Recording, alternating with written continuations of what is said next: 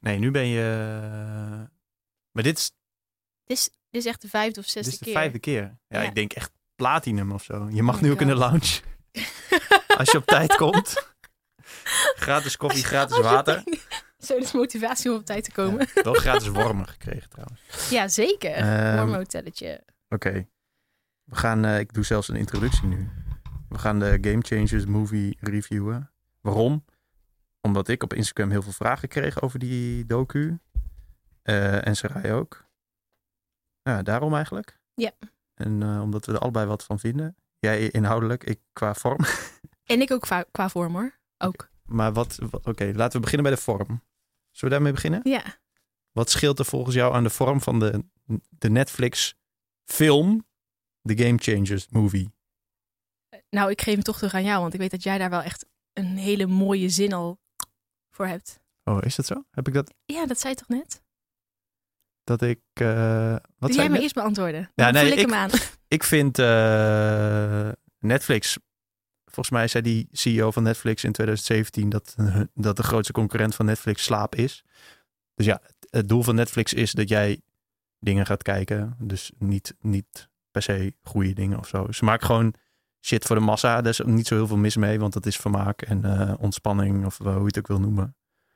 Eh, maar deze docu is dus gewoon wel gemaakt voor een grote groep mensen die dat misschien interessant, spannend, eh, angstaanjagend, opwindend vinden. Inspirerend. Inspirerend vinden, motiverend. Maar niet omdat het per se de waarheid is. Eigenlijk gewoon een soort van de clickbait versie van tv. Ja. Dat vind ik. En als je iets de game changers, changers noemt. Ja, als je dat bij voorbaat al zo zeg maar noemt. Alle documentaires op Netflix, ieder jaar komt er weer één. En het is volgens mij ook altijd ongeveer, ongeveer net een beetje voor eh, januari, goede voornemens, kerst, eh, om met elkaar erover te praten. Eh, ja, iedere keer is het een soort van eh, sensatie-ding. En Ja. ja, een, een documentaire, de, de, de, de, de categorie documentaire zegt eigenlijk helemaal niks. Ik dacht vroeger ook van, ja, een documentaire, dat is iets wat heel belangrijk en spannend en waar is. Maar dat was vroeger denk ik ook wel. Ja, dan maakte de BBC een natuurdocumentaire. Ja. Maar nu is het gewoon, ja, iedere, iedere YouTuber maakt tegenwoordig ook een docu als een, eh, als een video langer dan 18 minuten is. Ja, precies. Dus ja, wat, wat, dat, dat is, heeft helemaal ja, geen, Minder waarde. geen waarde. Ja, en, en alles begint zeg maar al met een soort van overtuiging. Ja, en Ze doen nog wel een ja, intro dat er, geen, dat er eerst geen overtuiging was, maar dan wel. Maar, Maar ja. was wel een overtuiging al lang. Ja, precies. Ja. ik denk dat dat mij ook, nou ja, dat ik dat ook het meest interessante vond van deze documentaire. Want ik vind het dus geen documentaire. Ik zie het gewoon echt als een film. Volgens mij heet het ook de Game Changers Movie. Mhm. Dus ik ben het gewoon echt gaan benaderen als een film. Zo Ja. van, ja, inspireer je lekker. Ik bedoel, er zijn ook denk ik heel veel mensen die zich geïnspireerd voelen door Bruce Lee in films. En weet ik veel, dat soort Ja. films. The Lion King. Ja. maar, maar dus ook door de Game Changers movie. En dat is supergoed. Maar ja, het is gewoon echt, eh, de titel documentaire verdient het gewoon echt niet. Ja, als je gewoon kijkt naar een echte documentaire, belicht juist verschillende eh, perspectieven. Mhm. Zodat je eigenlijk als kijker Keuze zelf, maken. ja, zelf een keuze kan maken van hé, hey, waar- wat zou ik dan willen? Of wat kan ik met deze informatie? Hoe kan ik dan mijn leven aanpassen of verrijken? Mhm. Ja, en hier is het allemaal gewoon door je stot geduwd. Ehm ik kom daar ook wel even op de inhoud natuurlijk. Ja. Ehm, over dus dat een plantaardig voedingspatroon het superieure voedingspatroon is als je beter wil presteren in de sport. Mhm. En dat klopt dus niet. Nee. Dus ja, ik vind hem verder wel mooi opgezet. Ik vind het heel mooi hoe ze hè, die, die, die, dat, hè, dat vind ik heel mooi hoe ze dan die, die articles, zeg maar, van links eh, naar boven en van onder. En dan tjuk, tjuk, tjuk. En dan denk je echt, Ja, de wow, goede, de goed goede gemonteerd, artikelen, de goede artikelen zijn wit en de slechte zijn zwart. Dat is het grote verschil. En die hebben een soort van onheilspellend muziekje erachter. Ja, nou, ik moet zeggen, niet alle artikelen die eh, goed zijn. Nou, er zijn ook minder goede artikelen ook wit. Dus eigenlijk Ah, oké. maakt eigenlijk niet uit. Ja, ik zag dat stukje. eh, ja, we gaan nu misschien een beetje hakken op de tak, maar dat maakt niet uit. Dat ging een stukje Het over de vorm, toch? over roken. En, eh, en ja, dan zijn ze allemaal zwart en onheilspellend. Gewoon een soort van eh, zwart papier, Oh, witte letters, ja. zeg maar. Ja, ja, ja. Goede tegenstelling. Ja. Maar ja, het is natuurlijk, ja, dat is dus filmmaken. Dus dat is met. Ja, het is heel veel geknipt en geplakt. Dat, dat vond ik ook heel goed. Leuk Ja. aan de vorm. Gewoon lekker divers. Hè? Ja. Aan de vorm ook lekker veel mensen die de hypothese van tevoren al helemaal ondersteunen. Ja. En eh, ehm, wat ik dus ook bij iedere Netflix docu of docu over eh, de de Sugar Movie en eh What the Health hebben we natuurlijk gereviewd. En wat heb je nog meer? Ehm, Ja, Box Knives. zoveel, ja. het is heel erg. De Amerika is niet de wereld. Ik vind het altijd heel grappig, zeg maar. Reminder. Een soort van, hou nou eens een keer op met net doen alsof wat er in Amerika gebeurt, dat dat... Ja, misschien vinden ze dat ook, ook wel niet trouwens, maar dat vind ik als, me- als Nederlandse mensen daarnaar kijken en denken van ja, maar dit is, dit is niet zeg maar hoe het in Nederland of gaat. in de wereld. Of in de wereld Ja. zelfs, ja. ja. Ja. Dus dat is, eh, Ja, het was heel Amerikaans inderdaad. ja. Gewoon heel groot, heel uitbundig, heel, ja, toch wel een tikkertje overdreven voor onze... Ja, hè, en het is ja, het. Amerikaanse eraan is natuurlijk dat het een wedstrijd is. het gaat Ja. over topsporters, het gaat over topprestaties. Wat Ja. is het beste? Ja. Eh, hoe kun je winnaar zijn? ja, een beetje rigoureus inderdaad. Ja, dus Ja. lekker even wat, eh, wat brandweerma- brandweermannen erin, wat eh, Ja, anti-poaching units met geweren, wat eh, militairen. Eh, nou ja, dat. ja. American football, yeah. ja. Oké, ehm, inhoud. Inhoud. Jij hebt een lijstje gemaakt, ik heb ook een lijstje gemaakt. Ik heb een hele lange lijst. Waar, beg- waar begint jouw lijst mee? Bij de Gladiators. Ja, bij mij ook. Ik ben gewoon echt van voor naar achter gegaan. Ja. Ehm, ik heb dus zeven pagina's.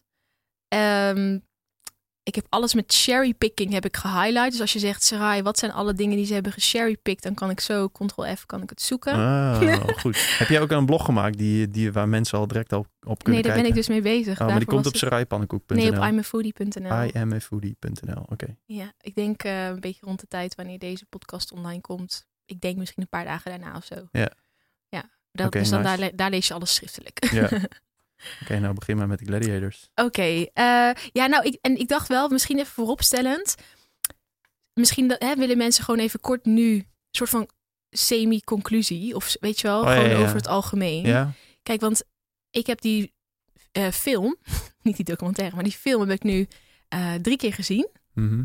En ehm, ja, kijk, ik vind het heel tof dat er sporters zijn. Of je nou topsporter bent of amateursporter, doesn't matter. Ik vind het gewoon heel tof als sporters ja, een beetje van dat kipkwark en eieren verhaal een beetje afstappen en andere dingen gaan proberen. Ja. Dat is gewoon meer, ja, ik denk gewoon als je daarin dus een nieuwe balans voor jezelf gaat zoeken, wat voor jou goed werkt, waarin je gewoon merkt dat je prestaties vooruit gaan, je herstel goed verloopt, ja, dan moedig ik dat alleen maar aan. Mhm. Ik hou van planten, groenten, noem maar op. Ehm, dus dat vind ik wel belangrijk om gezegd te hebben. Ik ga nu wel zeg maar heel die documentaire een beetje rechtzetten van wat klopt wel en wat niet. Mhm. Maar nog steeds, hè, als jij denkt en je luistert en je bent sporter en je denkt, oh, ik wil ook meer plantaardig eten, doe het. Maar weet gewoon dat er niet echt één superieur voedingspatroon is wat voor iedereen het allerbeste werkt. Mhm. Hè, dat is super individueel. En dat hangt gewoon helemaal van af. Wat zijn je eigen wensen? Eh, hoeveel geld heb je te besteden? Wat is je doel? Nou, helemaal contextafhankelijk. Ja. Dus ehm, het is dus niet waar dat je van plantaardige voeding vele, be- vele malen beter gaat presteren dan van gewoon een omnivoor voedingspatroon. Een voedingspatroon waarin je alles eet. Ja. Het gaat uiteindelijk gewoon om de samenstelling, de kwaliteit van je voeding, de hoeveelheid en noem maar op.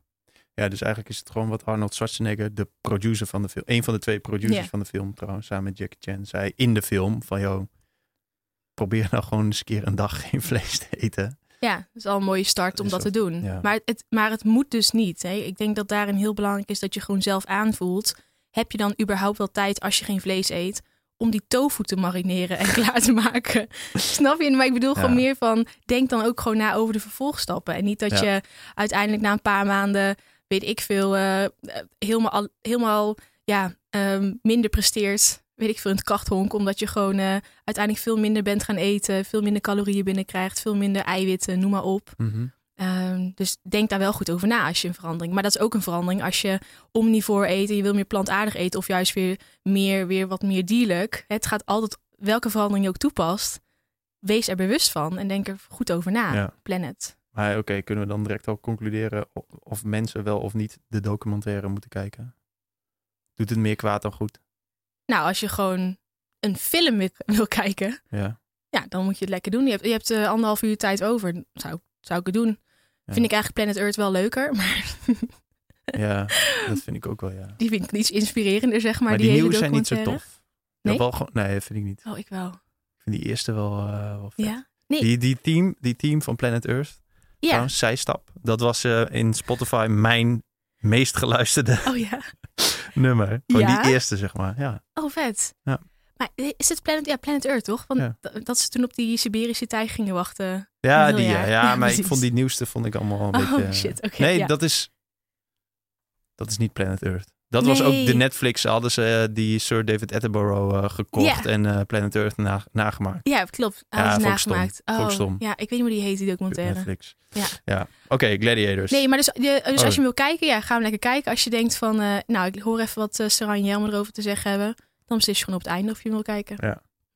Ik, ja, ja, ik zou hem niet echt super aanbevelen, maar gewoon dat er zoveel onzin in zit. dat je gewoon zoveel vraagtekens zet van, huh? Ik zou hem niet aanbevelen omdat het gewoon... Het is gewoon ruis op je eigen radar, ja, het is gewoon het gebied van voeding. ruis, ja. ja. Vind ik. Alright, eh de Gladiators. Ja, wil je gewoon alles zo aflopen, ja? Of, eh, of moeten we Nou, ook een misschien dat we wel?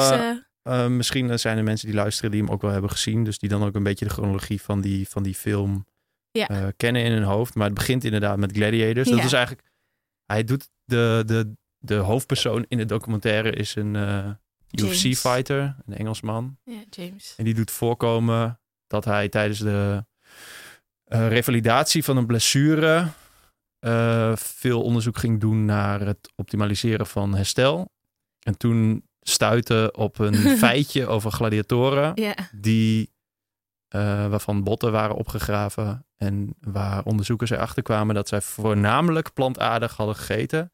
En zijn conclusie was, oh, als gladiatoren vooral plantaardig eten, wat zegt dit dan ja. over een ideaal dieet voor, nou ja, een soort van topsporters. Aangezien gladiatoren worden gezien als topsporters Ja. in de oudheid. Circa Ja. 2000 jaar geleden. Ja. Toch? Ja, en ook gewoon dat hij dan die studie liet, liet zien en dan allemaal beelden van inderdaad botjes snijden en dan onder vergrootglasjes leggen en dat soort dingen. Ja. En dat hij dan zegt, this totally blew my mind.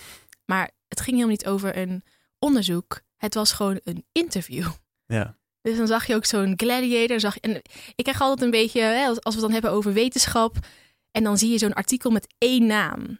Ja, dan weet ik sowieso al, het is geen systematic review. Want dat doe je altijd met minimaal twee mensen. Ja. Omdat één persoon includeert en de tweede gaat ook includeren. Dat doe je gewoon los van elkaar om te Wat is kijken. includeren? Eh, nou, je hebt een van tevoren zoektermen opgesteld. En dan komen er heel veel hits, dus heel veel resultaten die dan bij die zoektermen komen. Dan ga je kijken van welke eh, artikelen op basis van titel en abstract, abstract Mhm, en eventueel Ja. ehm, passen bij mijn hypothese. Dus die ga, hè, dan heb je van tevoren een soort van inclusievoorwaarden. Ja. En dan ga je gewoon elke hit, zeg maar, wegzetten tussen past in het onderzoek of niet. Mhm. Nou, en dat doe je dus los van een andere reviewer. En zo behoud je dus die objectiviteit. Ja.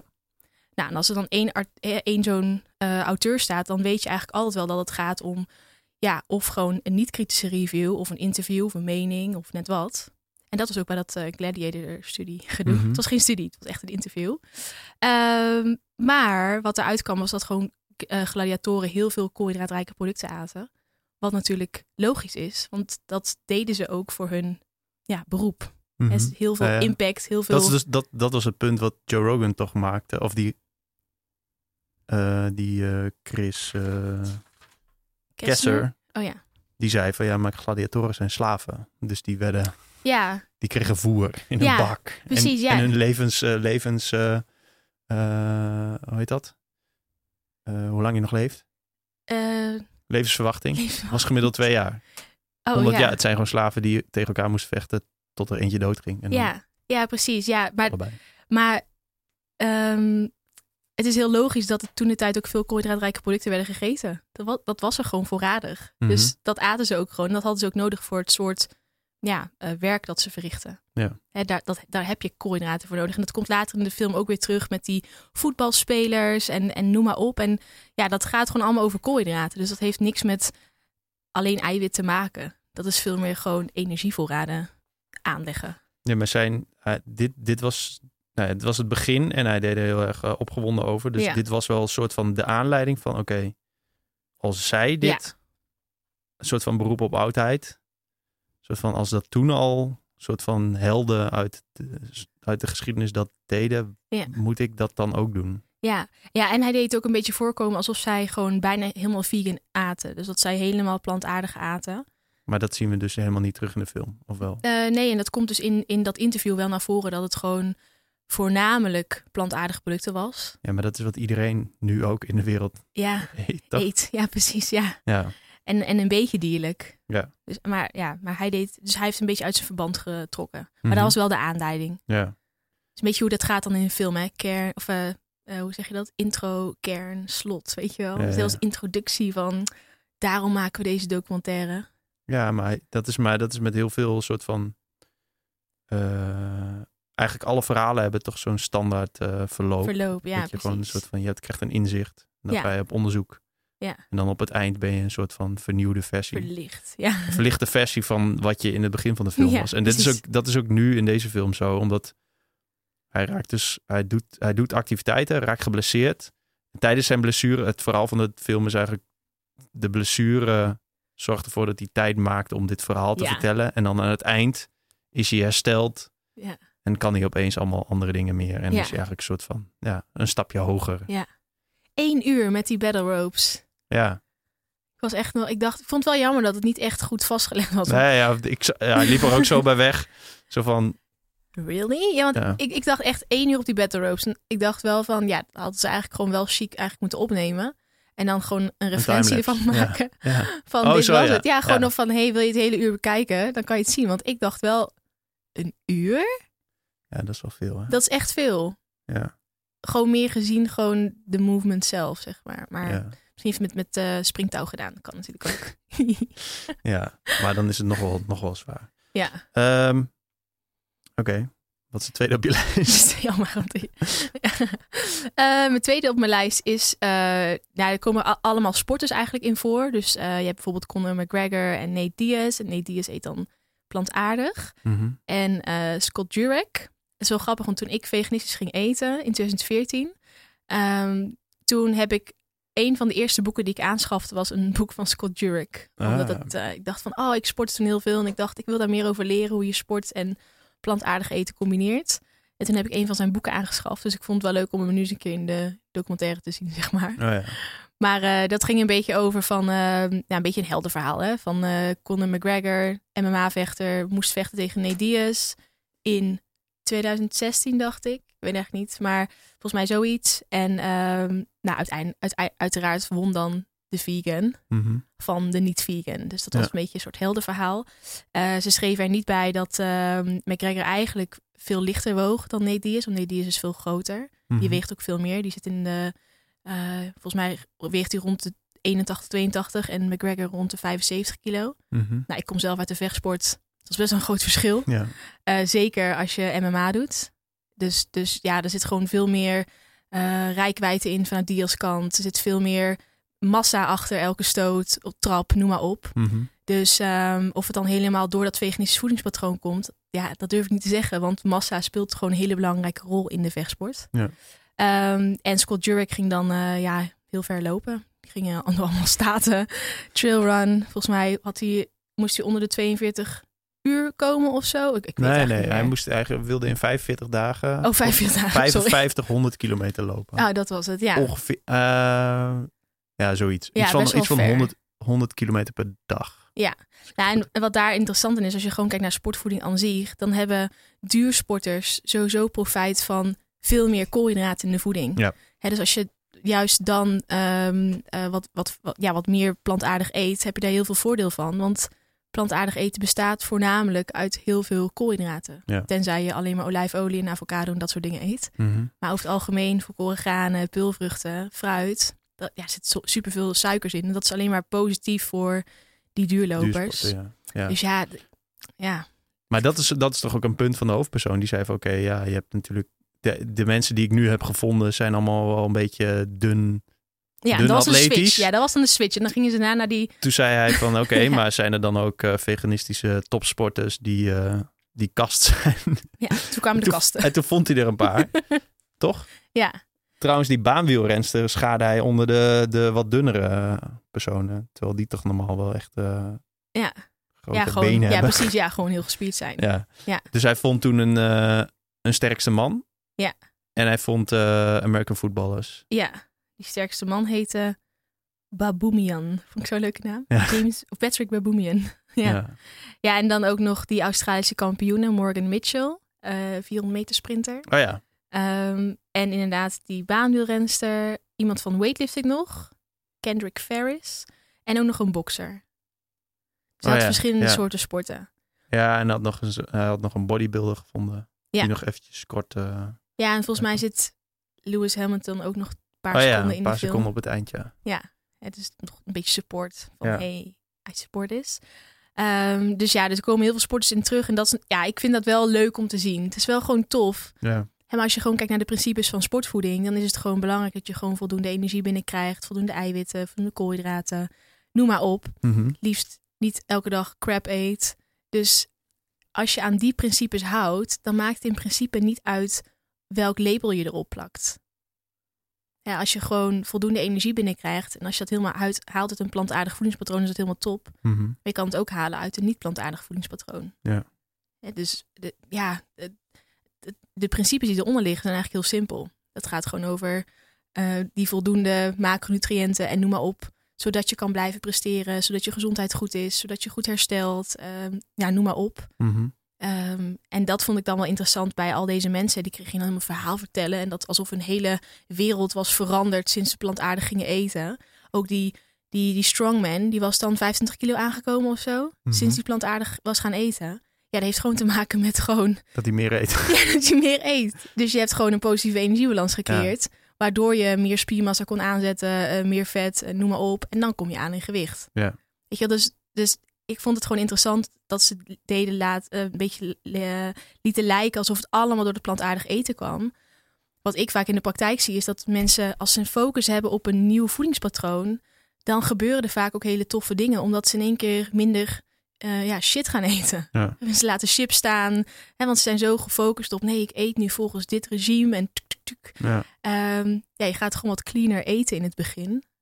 Misschien daarna wat minder als je ontdekt dat er heel veel koekjes ook vegan zijn of net wat.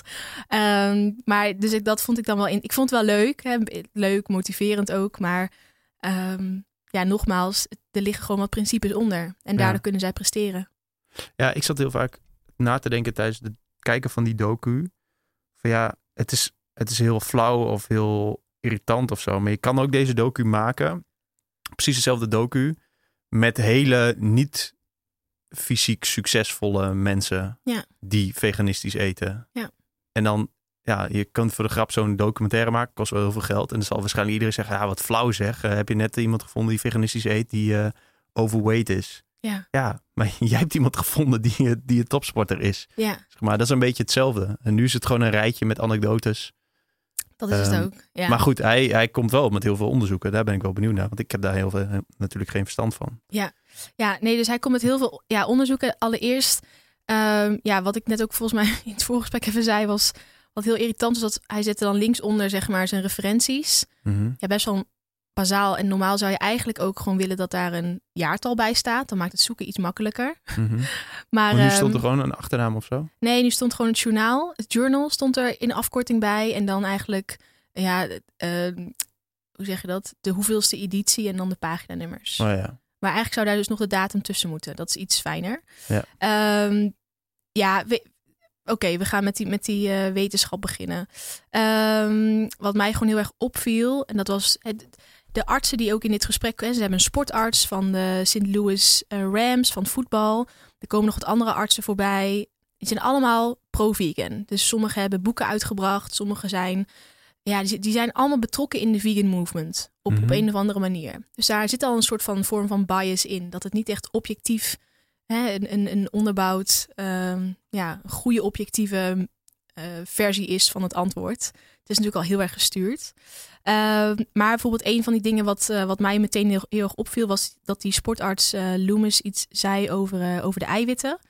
Ehm, hij zei van, eh, ja, de eiwitten... eh, het- in dierlijke producten zitten eiwitten, maar in plantaardige eiwitten ook. En eigenlijk zijn die van plantaardige eiwit helemaal genoeg. Want er zitten alle essentiële aminozuren in. Ja, dan kwam Dus, ook in een mooi plaatje. Ja, het kwam allemaal in plaatjes en, en noem maar op. in. Ja, en het klopt wel. Ze zitten erin, alleen niet in de, in de voldoende hoeveelheid. Mhm. Je hebt van elk essentieel aminozuur heb je gewoon een minimale hoeveelheid per dag nodig. Ehm, dus dat betekent dat als je helemaal plantaardig eet, dat je letterlijk meer moet binnenkrijgen, ook meer in hoeveelheden eiwitten, om te zorgen dat je al die essentiële aminozuren die eraan ten grondslag liggen, dat je die binnenkrijgt. Mhm. Dus, Dus- dat is gewoon een fout. Ja, dus dat was een fout. En ook dat, ze, dat hij zei van, eh, ehm, ja, de proteins eh, from the cow, they come from the plants. Eh, ga maar gas eten. Wij kunnen dat niet verteren. Nee. Dus, dus er zit ook een soort van eh, eh, functie in die dieren.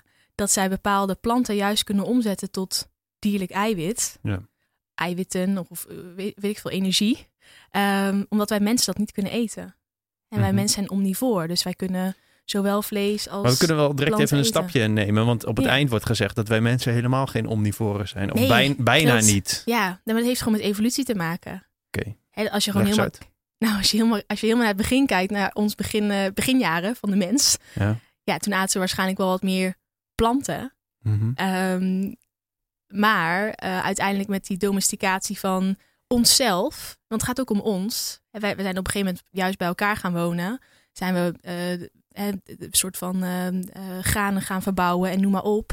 Ja, en toen kwam zeg maar eigenlijk die hele, ehm, ja, eigenlijk een begin aan, aan dat hele voedseltijdperk voor ons. Dat we gewoon met elkaar voedsel gingen verbouwen. En dat Mhm. was zowel wat dierlijks als ook planten Mhm. granen en, en noem maar op. Toen gingen we dat verbouwen met z'n allen. Dat is echt al heel lang geleden. Eh, volgens mij de eerste paar eh, wetenschappelijke stukken gaan echt helemaal terug naar Gobekli Tepe. Dat is echt een plek waar mensen voor het eerst dan echt samenkwamen.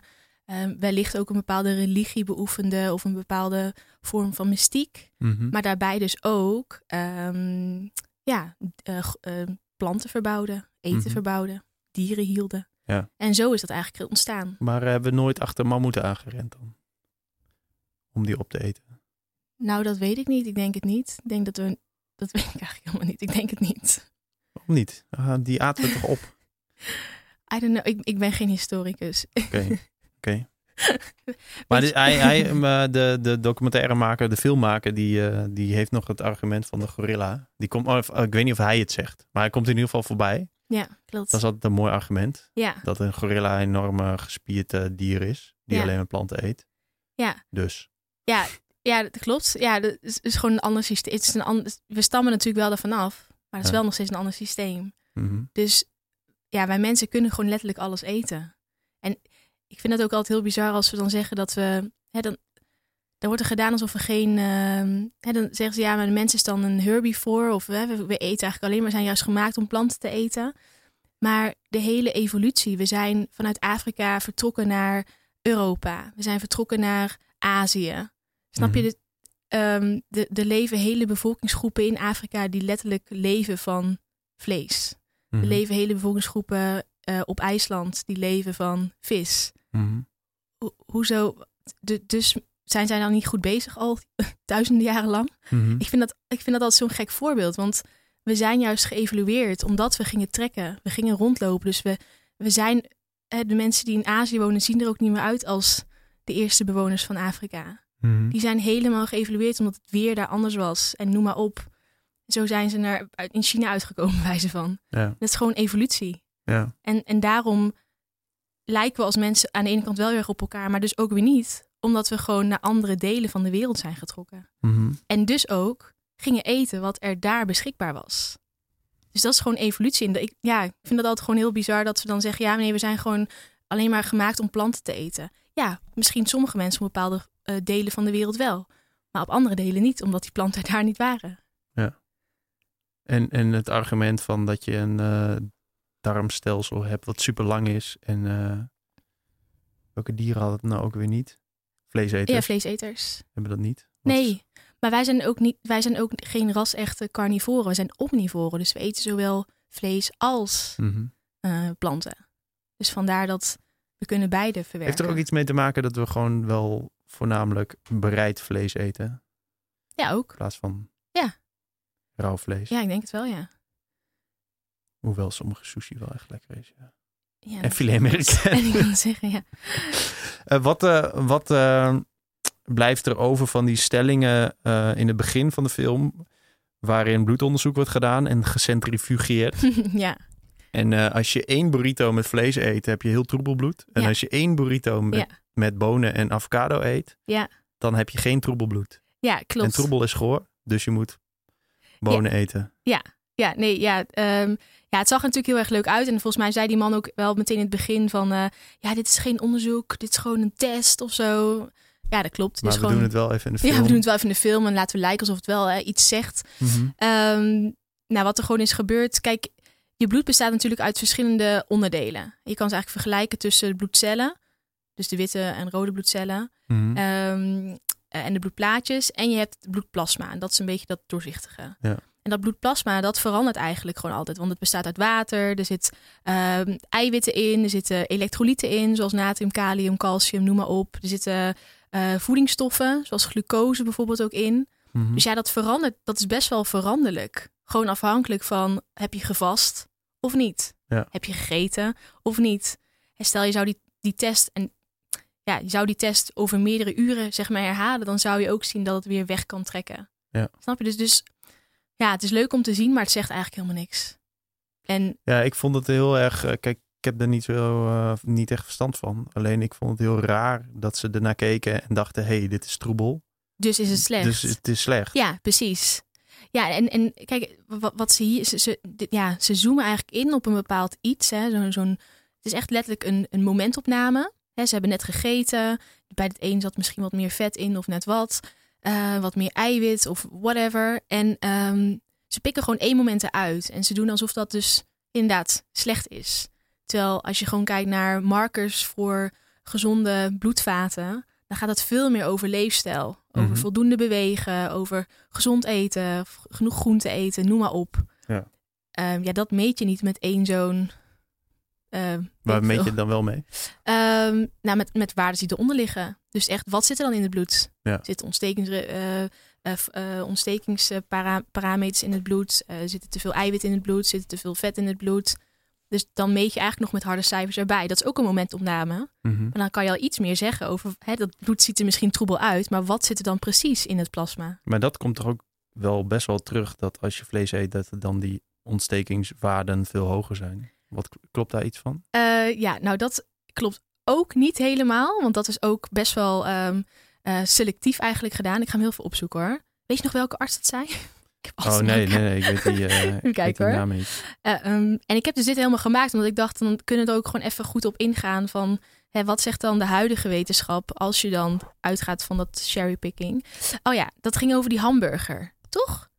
Eh, Dat hij zei van eh, als je ja, één keer een maaltijd met vlees eet. Ja, en, dan, en eh, kip en van je- alles. ja, en heb je zoveel één- procent, Ja. 29 procent Ja, precies. Ja, ja dus, ehm, eh, dat, was, ja, dus dat, dat zeiden ze dan van als je dus als je één single animal-based meal eet, dat je dan ehm, dat er iets gebeurt met je bloed inderdaad op negatieve manier.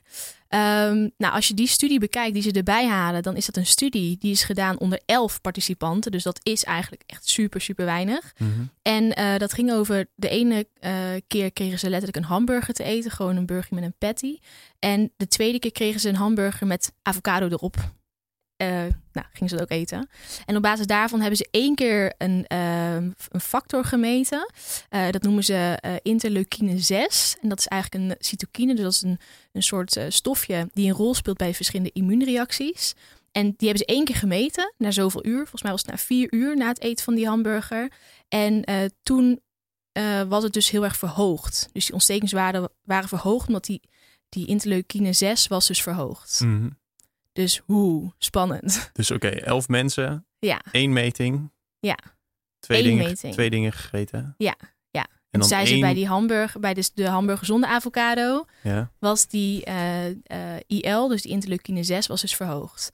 Maar nu komt het, die eh interleukine 6, die cytokine, die reguleert zowel ehm, ja, ontstekingsreacties als ook anti-ontstekingsreacties. Dus eigenlijk kan die beide dingen doen. Hmm, En hij kan zowel bijdragen aan het ontstaan als het oplossen van een acute ontsteking. Dus eigenlijk is die heel erg dubbel. Dus ze hadden eigenlijk meerdere waarden. En dat, in, dat, in dat onderzoek liet ze dat niet zien, maar waarschijnlijk hebben ze wel meerdere, meerdere waarden zeg maar, geprikt. Maar waren die gewoon ja, hadden die natuurlijk niet zo'n increased effect of net Ah, wat. ja. Ehm, eh, maar hebben ze dus wel ja, op basis daarvan gewoon één parameter gekozen en meteen de conclusie getrokken van wow, 70% meer eh, inflammation als je één keer een hamburger eet. Maar het nadeel daarvan is ook als je, je moet eigenlijk een beetje in een tijdlijn denken. Dus als je hebt gegeten, dan wil je het liefst gewoon na twee uur prikken, na vier uur, na zes uur. Dan wil je eigenlijk kijken van, blijft die ontstekingswaarde dan heel hoog? Ja. Of hè, wat betekent dat dan? Eén keer een waarde meten, ja, dat zegt echt helemaal niks. Nee. Je wil juist weten, wat is het verloop? Blijft die hoog? Is die de volgende dag nog hoog? Eh, weet ik veel. ja, en je moet dus een veel grotere groep hebben. En een grotere En je groep. moet dus kijken naar het complete... Ja, profiel. En niet één waarde eruit gaan kiezen. Nee, ik bedoel meer wat het, alles wat je, wat je binnenkrijgt, toch? Ja, en dat ook. Wat heb je nog meer gegeten? Zeker. Hoe, hoe sport je en, en noem maar op. En ook het interessante van die studie was, die was ook gesponsord door uh, Has Avocado. Ah. Dus ja, da, daar Oh ja, dat komt volgens mij ook vorm. terug in die, in die podcast van Joe Rogan. Ja, kan. Ja, het, dat, dat is een beetje het interessante. Want als je al die studies dus naloopt, dan kijk je dus eerst, nou ja, wie heeft het geschreven? Wat, voor, wat is de studieopzet? Want heel Mhm. veel studieopzetten zijn eigenlijk gewoon eh, simpele reviews, zeg maar. Of eh, hele kleine studies. Waar vaak de conclusie anders is dan dat ze in de documentaire zeggen. Maar waar je ook altijd naar, naar wil kijken, is gewoon wie heeft dan het, eh, het, het onderzoek gesponsord. Maar hoe kun je, dat, kun je dat als leek weten dan? Het enige wat ik weet is dat, soort, dat meta-analyses meestal het beste zijn. Omdat het een Ja. soort samenvatting is van heel veel verschillende, van heel veel dezelfde studies eigenlijk. Ja, dus een systematic review is een systematische geschreven review. Wat ik net aan het begin zei, van je hebt dan twee onderzoekers die apart includeren, apart beoordelen, Mhm. ehm, doen dat los van elkaar. En dan uiteindelijk komen ze wel samen tot één resultaat. Ja. Maar je kunt de methodiek van een systematic review kun je letterlijk knippen en plakken, toevoegen of ja, eh, uitvoeren. Ja. En dan zou je letterlijk tot dezelfde inclusie Ja, moeten precies. komen. Dus dat is, dat is het voordeel van een systematic review. Ja. En ik heb zelf, eh, zelf één systematic review geschreven en er is ook eentje voor mij gepubliceerd. Dus ik vind dat super leuk om te doen, maar het is heel veel werk. En daardoor, ja, dat is wel de hoogste bewijslast. Want je moet er gewoon met z'n tweeën en vaak een grote team heel goed voor zitten van wat betekent dat allemaal. Maar je wil dus eigenlijk op zoek gaan naar studies die een hoog bewijslast hebben. Dus dat zijn vaak randomized controlled trials. Het liefst ook geblindeerd. Dus dat de onderzoekers niet weten ehm, ja, welk, in welke envelop wat zit. En dat de deelnemers ook niet weten wat de hypothese is. Mhm. Dus dat is dubbel geblindeerd. En ehm, ehm, wanneer je dus die systematic review doet van dat soort onderzoeken. En ook nog een keer kijkt dat die resultaten een beetje op, het, op dezelfde manier, zeg maar, ehm, ja, worden weergegeven. Dan kan je die poolen. En dat is dus die meta-analyse. Dus dan ga je gewoon gewicht geven aan de verschillende studies. En op Mhm. basis daarvan kun je één conclusie zeggen van... oké, interventie X heeft deze invloed op uitkomst Y. Ja. Ehm, en omdat je dus met z'n allen poolt en gewicht geeft aan die studies, die individuele studies, maar het wel samen neemt, ja, kan je dus zeggen of dat iets eh, goed is of niet. Beter werkt of niet, kans verhoogt of niet. Ja. Dus dat is, het hoogste, dat, is, dat is de hoogste in de bewijskrachtpyramide. En wat, wat nu hier wordt gebruikt dan? Hoe, hoe, hoe hoog of laag ligt dat in? Vaak de... heel laag. Het zijn vaak wel ehm En dat is dus studies. dat cherrypicking wat, eh, wat vaak wordt gezegd. Van cherrypicking is ik kies een onderzoek wat precies pa- mooi past bij mijn, eh, bij mijn Ja, en, en nog beter zelfs, cherrypicking is zelfs nog dat je dus bepaalde zinnen uit een onderzoek gewoon eh, markeert. Dat hebben ze ook best wel vaak gedaan. En als je dan het hele onderzoek gaat kijken, dan blijkt eigenlijk dat hè, ehm, dit onderzoek helemaal niet ging over plantaardig versus dierlijk. Dat het gewoon een heel ander type onderzoek was. Mhm. Maar dat ze gewoon letterlijk een zin uit een ander onderzoek gewoon highlight van ja, dit is ook nog eruit gekomen. Terwijl als je gewoon gaat kijken naar de hypothese, was het een heel ander doel van het onderzoek. Dus Oh heeft ja. niks met jouw hele hypothese te maken. Dus dat is ook cherrypicking. Ja. Dat je dus eigenlijk in de abstract of in de hè, dat je alleen maar scrolt naar de conclusie en alleen maar kijkt van oh ja, deze conclusie past bij mij. Oké, top, dan ga ik dit onderzoek gebruiken. Ja. Terwijl je helemaal niet hebt gekeken in de methodiek of dat het überhaupt iets te maken heeft in de richting waar je op wil gaan of de vraag die je beantwoord wil krijgen. En dat is dus best wel vaak gebeurd in deze documentaire. Dus echt gewoon gekeken van wat past. ehm, Maar eh, nu, nu weet ik eigenlijk nog niet hoe je zeg maar als leek, als je naar zo'n documentaire kijkt, hoe kun je dan weten, zijn er een soort van eh, manieren waarop Ja. je erachter kan komen wat voor soort onderzoek is gebruikt? Als je het gewoon aan, alleen aan het kijken bent. Nee, nee, dat niet. Nee, want ze verpakken het super mooi. Nee, dat kan je niet weten. Kijk, ik denk gewoon, daarvoor mag je nog iets meer uitzoomen. Als je zo'n film kijkt en het is eigenlijk een beetje too good to be true, want dat was deze film ook. Mhm. En we lossen het gewoon op met een plantaardig voedingspatroon, dat was bij What the Held ook. Mhm. Als het eigenlijk too good to be true is en je hebt eigenlijk alleen maar één kant van het verhaal gehoord, dan weet je eigenlijk al dat ja, het gewoon te eenzijdig belicht is. Ja. En want in een normale documentaire zouden ze dan ook eh, eh, dieren, dierlijke, dierlijk etende sporters, zouden ze ook naar voren halen. Ja. Of ze zouden, weet ik veel, ehm, het misschien tegen elkaar afzetten of zo. Maar nu is er echt niks. Er is ook geen arts aan, aan, aan bod gekomen die zei van, ik ben het er niet mee eens jongens, dit, dit, dit zo doe ik het niet. Mhm. Het is alleen maar één kant op. Ja. Dus ik, ik zou dan, dus als je gewoon weet dat het helemaal op eenzijdig belicht is, dan hoef je eigenlijk al niet die studies zelf na te lopen. Dat doen de experts dan wel. Dan kan je gewoon podcasten luisteren of eh, reviews lezen. Ja. Ehm, maar dan weet je eigenlijk al dat het waarschijnlijk heel erg gebiased is. En dat is het gewoon. Want het is gewoon niet objectief. Ik Ja. even te denken of ik een Netflix documentaire ken die wel objectief is. Ook niet echt nu, maar nou ja, misschien moet je ook gewoon niet naar Netflix kijken voor dat soort objectiviteit als je dat zoekt. Nee. Nou, dat is direct een van de vragen die ik kreeg via Instagram. Die, van iemand die zei van, maar wat moet ik dan wel le- lezen erover? Nou, ik denk, kijk, als je dit een interessant onderwerp vindt, dus als je voeding interessant vindt, dan zijn er echt wel goede basisboeken, basisartikelen, websites die gewoon objectieve informatie eh, verstrekken. En als je dan meer leert over überhaupt voeding of de fysiologie van voeding, ehm, dan kan je eigenlijk met een beetje dat boerenverstand ook zo'n hè, zien dat dit, hè, zo'n film als The Game Changers, dat dat eigenlijk ja, gewoon ehm, niet objectief is Mhm. omdat je ziet gewoon dat het, hè, dingen uit zijn verband worden getrokken. Maar wat zijn die websites en boeken dan? Nou, dus een boek. Ja, dat is Je mag niet imafoodie.nl zeggen. Nee, ik zal dat niet zeggen, maar je kan dus op die website wel kijken. Ehm, dat is een website. Ja, er zijn heel veel andere goede eh, voedselmensen die ook allemaal blogs hebben. Zoals? Die, zoals, eh, nou, even kijken. Ehm, nou, ik vind Kan ik naar het voedingscentrum? Ja, ik kan ook naar het voedingscentrum, zeker. Ik kan naar het voedingscentrum. Hebben ze eigenlijk iets gepubliceerd over deze doc? Nee, ik denk Ja. het niet. Hmm. Nee, ik denk het niet. Moet, nee, ik, moet Ja. ik naar Chivo? Ja, Chi. Kijk, Chi is ook eh, gewoon eh, Moet ik objectief. Chief, Chief volgen op Facebook?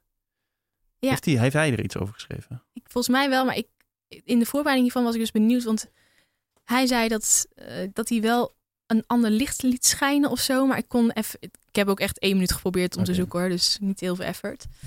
Chivo vind ik altijd wel een goede. En eigenlijk alle afstammelingen van Chivo. zo noem ik het maar even. Alle discipelen. Ja. ja, de- die, ja, ik denk dat dat wel een mooie start is. Hè, die zijn ook wel vaak gewoon objectief en, ehm, en stellen vragen. Dus Ja.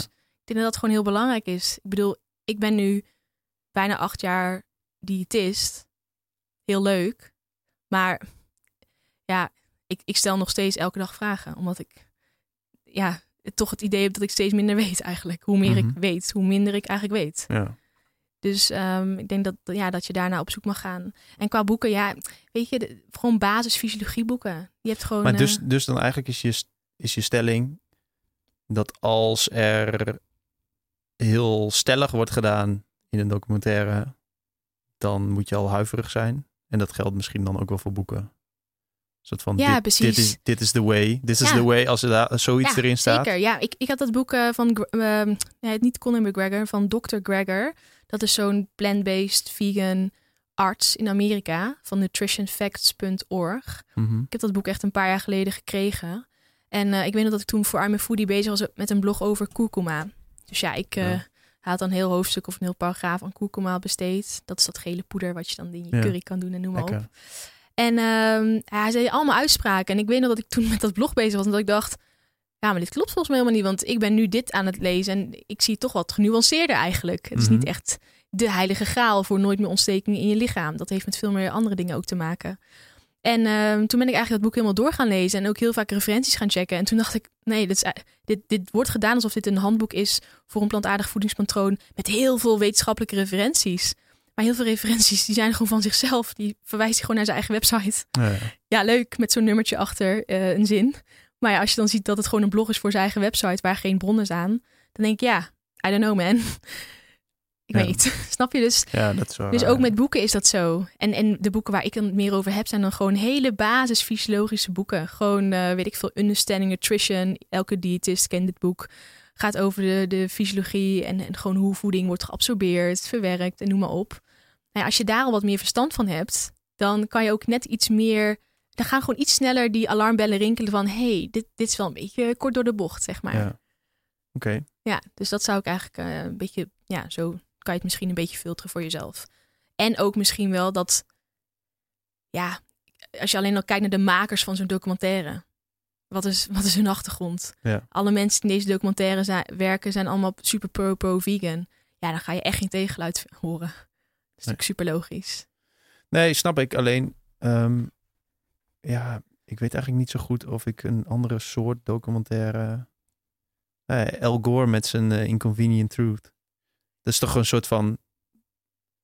Dat, dat gaat dan over een soort van waarheid, zeg maar. Een soort van Ja, voorspelling. Ja. Dat is ook heel eenzijdig, maar het is een soort van... Dat is toch anders, ja. Hoe, maar ik kan me voorstellen dat mensen bij, zo'n bij deze documentaire, de Game Changers, ook zoiets hebben van: oké, maar dit, dit klopt. En natuurlijk zijn er alleen maar mensen die dit ook vinden, die dat gaan vertellen. Ja, true. Ja.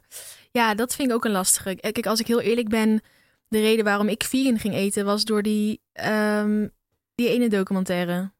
Eh, hoe heet die het ook alweer? Forks over Nice. Nee, Cowspiracy. Oh ja. Zo, ik heb huilend op de bank gezeten. Oh ja. ja, Was dat met die, met die gast die met die kip heet? koeien. Ja, of die kip, Kip Anderson volgens Ja. mij. Ja, van, daarna had hij What the Hell gedaan. Oh ja, klopt ja. Dus, maar ik heb die, die documentaire nooit meer nog een keer een tweede keer gekeken. Dus ik heb helemaal niet bedacht van hé, hey, wat klopt hier niet? Ehm, waarschijnlijk klopten er heel veel dingen de- niet aan. Hè? Maar ehm, dat is wel eerlijk. Ik ben daardoor ben ik veganistisch gaan eten. En uiteindelijk dus ook niet meer. Maar dat was wel mijn hele reden. Dat ik dacht, wow, dit is allemaal aan de hand. En noem maar op. Mhm. Ik zou daar nu anders naar kijken. Die documentaire is volgens mij in 2015 of zo.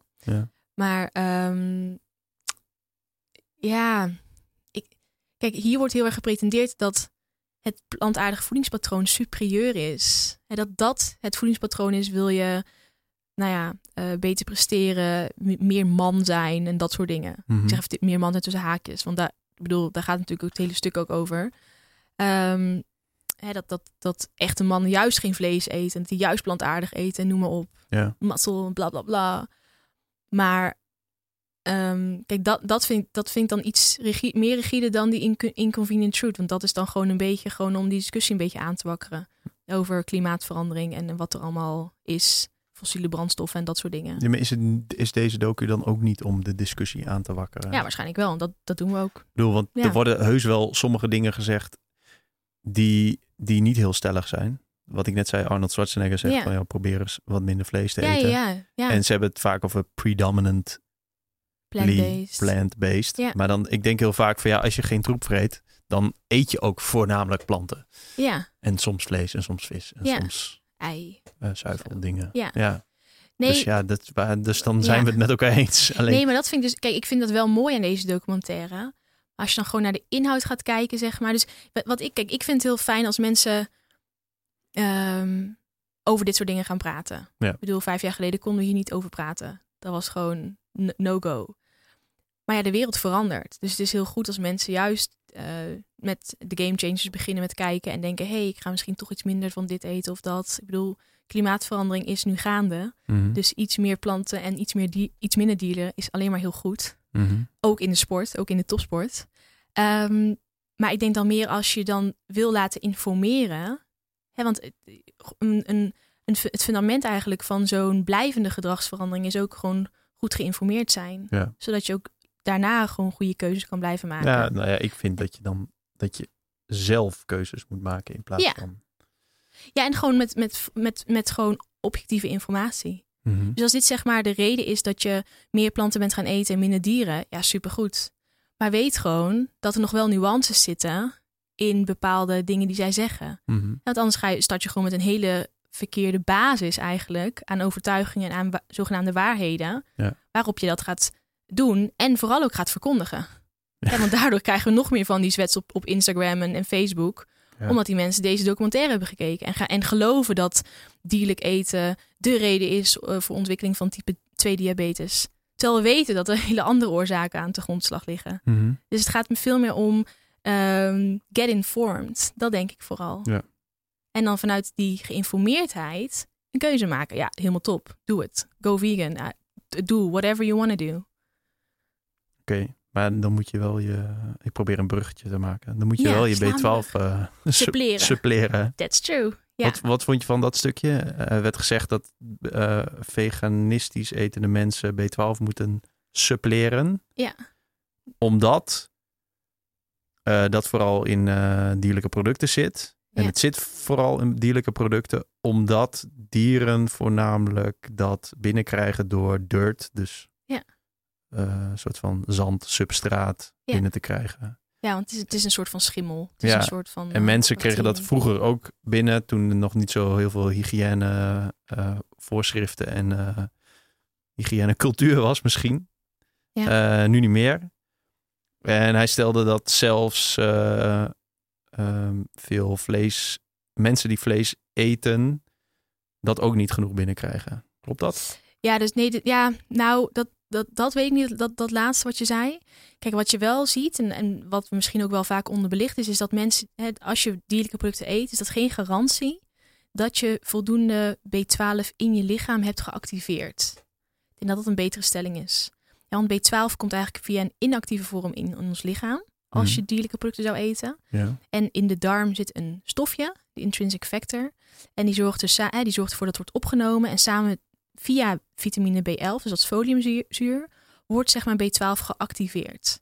Maar er zijn heel veel mensen, heel veel, weet ik niet. Er zijn mensen die dat stofje intrinsic factor niet of in onvoldoende mate eh, hebben in die dunne darm. Mhm. Dus dan kan je nog steeds wel B12 binnenkrijgen via dierlijke producten. Maar dan kan het nog steeds zijn dat je een B12 tekort hebt, omdat je dat stofje niet hebt in je darm.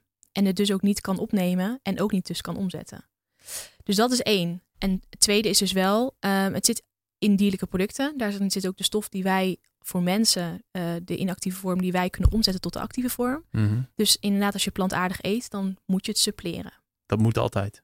Ja. Ja, dat moet altijd. Je, als je al dierlijke producten hebt gegeten en je weet dat je gewoon altijd een goede B12-status hebt gehad, dan heb je in principe nog drie jaar om je gedrag zo te veranderen, aan te passen, dat je dus een paar keer per week zo'n eh, supplement neemt. Waar is, waar is B12 goed voor dan? En waarom? dus onder, het, het is onder andere goed voor je zenuwstelsel. Dus onder andere, ja, het heeft gewoon heel veel verschillende functies. maar je hebt dus drie jaar een soort van voorraad. voorraad. Ja, iets voorraad. Ja, maar, Maar dat ligt er toch aan hoe goed je het kan activeren, lijkt mij, als je het zo uitlegt. ja, nou, nou, eigenlijk hoe goed je het kan, inderdaad, of je het voldoende kan opnemen, dus of je dat stofje hebt. Ja. En of je ook voldoende foliumzuur in je voeding hebt. Stofje. Dat is een stom woord.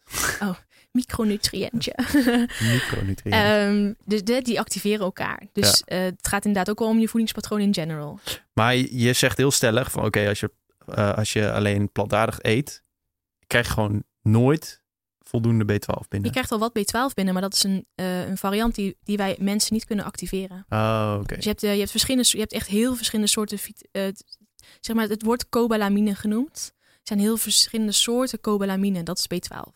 Oké. Je hebt allemaal varianten, zeg maar, allemaal aftakkingen. En degene die wij het beste kunnen opnemen uit voeding, die zit alleen in dierlijke producten.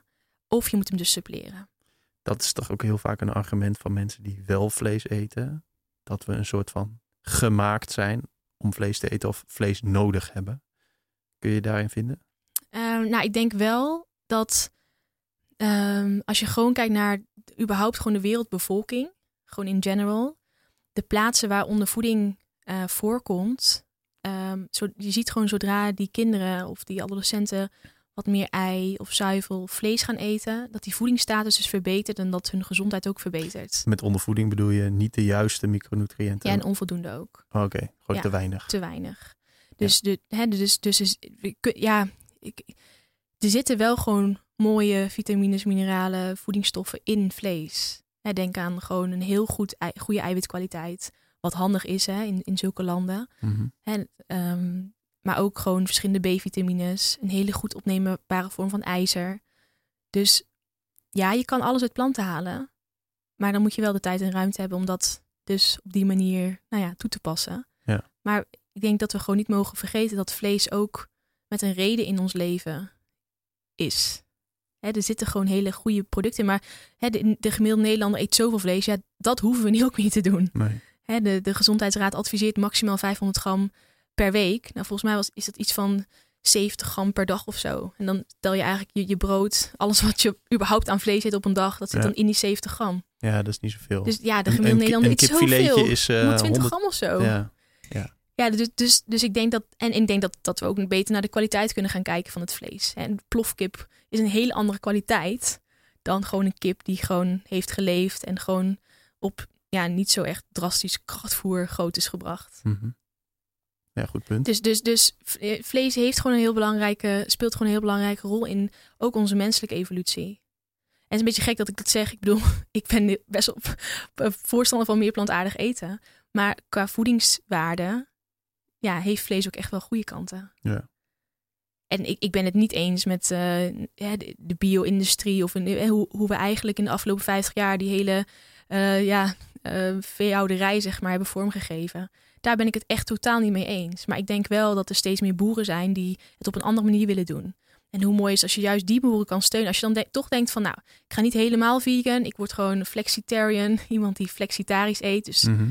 ook vegetarisch, maar ook af en toe wat vlees of, of iets anders. Hoe mooi is het als je dan juist er bewust voor kiest dat je voor kwaliteitsvlees gaat. Dat je dus naar de boer gaat, weet ik veel, een dorpje verderop, met de boer kan kletsen, de kippen ziet lopen en gewoon weet dan van, oh, die boer heeft zoveel liefde en passie voor zijn vak. En hij doet het op een andere manier, die ook gewoon echt beter is voor de wereld van morgen. Nou, hoe mooi is als je daar juist je vlees vandaan kan halen. Dus ik, ik ben daar ook wel heel erg voor. Gewoon bewuster consumeren van die dierlijke producten. En bijdragen aan, nou ja, eigenlijk een belangrijke transitie die we met z'n allen in willen stappen. Maar als je het zo zegt, dan zijn dit soort Netflix-documentaires eigenlijk wel een stapje in een goede richting. Zeker. Of is het, en Ja, dan, en dan is, komt ja. vraag weer terug. Doet het Ja. meer kwaad dan dat het goed doet? Nee. Of doet het meer goed dan dat het kwaad doet? Goeie. Ehm, ik denk dat het, als ik gewoon even mijn rol als diëtist en wetenschapper loslaat, dan denk ik dat het heel goed is. Alleen al dat, dat het gesprek aangaat. Ik bedoel, mijn zusje, kijk naar mijn zusje. Mijn zusje eet al- altijd ehm, gewoon vlees. En die is nu sinds een paar maanden, is zij echt gewoon door de week vegetarisch gaan eten. Ja, ik vind het prachtig. Mhm. Weet je wel? Gewoon, ja, als we uit eten gaan, dan zegt ze, oh, mag ik een vegeta ik wil vegetarisch. Dan denk ik, oh, nice, weet je wel. Dus nee, we moeten ook, zeker in het Westen, we mogen niet ontkennen dat, eh, dus hoe, hoe, hoe fout dus haakjes deze film ook is, hè, hoeveel dingen er ook niet kloppen. We mogen niet vergeten dat we wel toe moeten naar meer planten, minder dieren. Ja. Nee, dus, dus alles wat daarbij helpt is goed. Alleen ik denk gewoon voor de lange termijn is het goed als je met de goede fun- fundering, dus de goede informatie, op stap gaat. Ja, maar gaat, gaat zeg maar, hebben we dan extremisten nodig om Ja, die, hebben we nodig. die goede... Ja. Ja, ik denk dat ook wel. Die heb je nodig. Want eh, die- die- ik bedoel, ik kom uit de, de kant van de vegans. En eh, ik ben eruit gestapt. En dat was ja, best wel lijp eigenlijk. Gewoon. Ja, maar jij, jij was altijd een vegan die niet zei dat ze vegan was. Nee, klopt. Maar, dat is maar de hele vegans vonden, ja, maar de vegans vonden het wel leuk om mij wel op, een beetje aan boord te hebben. En toen ik zei, jongens, ik stap toch uit. Toen werd ik, niet- mocht ik, de brug werd niet eens neergehaald. Ik werd gewoon letterlijk vooruit gepusht van, oké, dan ga maar. Zo, weet je wel. Deur dicht. Toen moest je je pasje nog inleveren en je, Nee, ik werd gewoon letterlijk gewoon naar buiten. gedaan. Nee, maar, nee, maar dat, dat was wel, was wel, ik vond het wel heftig. Gewoon de reacties die ik kreeg. Maar dat was gewoon Ja, een teleurstelling. Maar kun je dat uitleggen dan? Dan gaan dan mensen jou berichten sturen Ja. van eh, verrader of zo. Nou, dat stond er net niet, maar daar kwam het wel op neer.